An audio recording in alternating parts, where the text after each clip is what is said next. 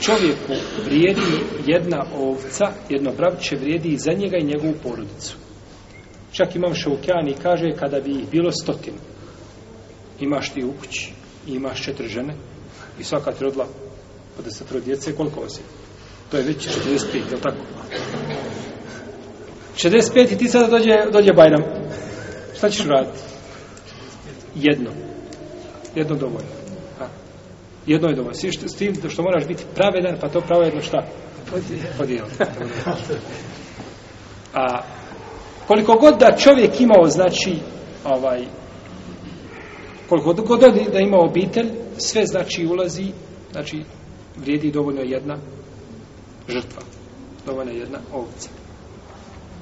Jer je poslanik, sam sam zaklao i rekao u ime Allaha, Allahume taqabbal min Muhammed wa ali Muhammed, kaže, Allahu dragi, primi od Muhammeda i od porodice Muhammedove, a min ummeti Muhammed. I od ummeta Muhammedovog thumme daha, primi od Muhammeda i od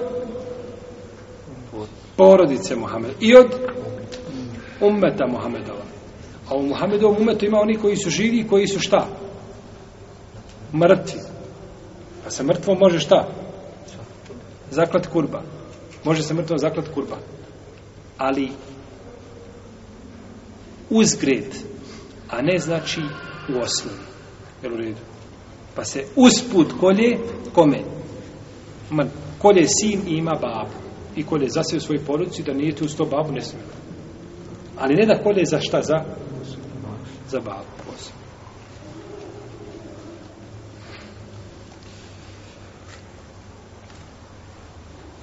Došlo hadisa ta ibn Jesara, kaže, pitao sam evo i Sarija, radijallahu Allah talanhu, kako ste klali u vreme poslanika sallallahu sallam, pa je rekao, kaže, klao bi čovjek jednu ovcu za sebe i za svoju obitelj.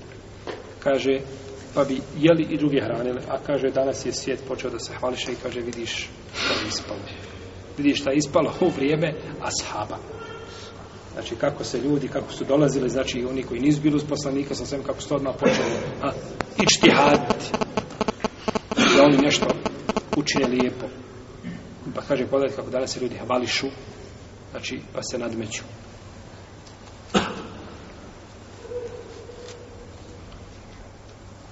I izrazista većina islamskih učenjaka kaže da može znači jedna ovca za čovjeka njegov porodic, to je stav Malika i Šafi i Ahmed.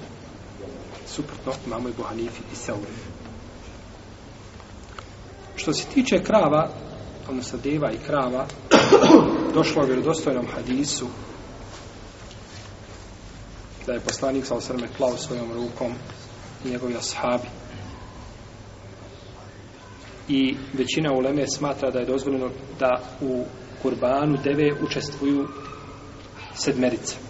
A u kurbanu krave sedmerice. Znači isto. To je stav Hanefija i Šafija i Hanbelija.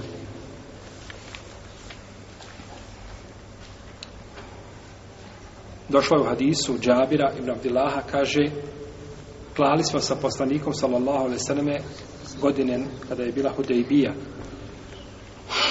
devu za sedmericu i kravu za sedmericu.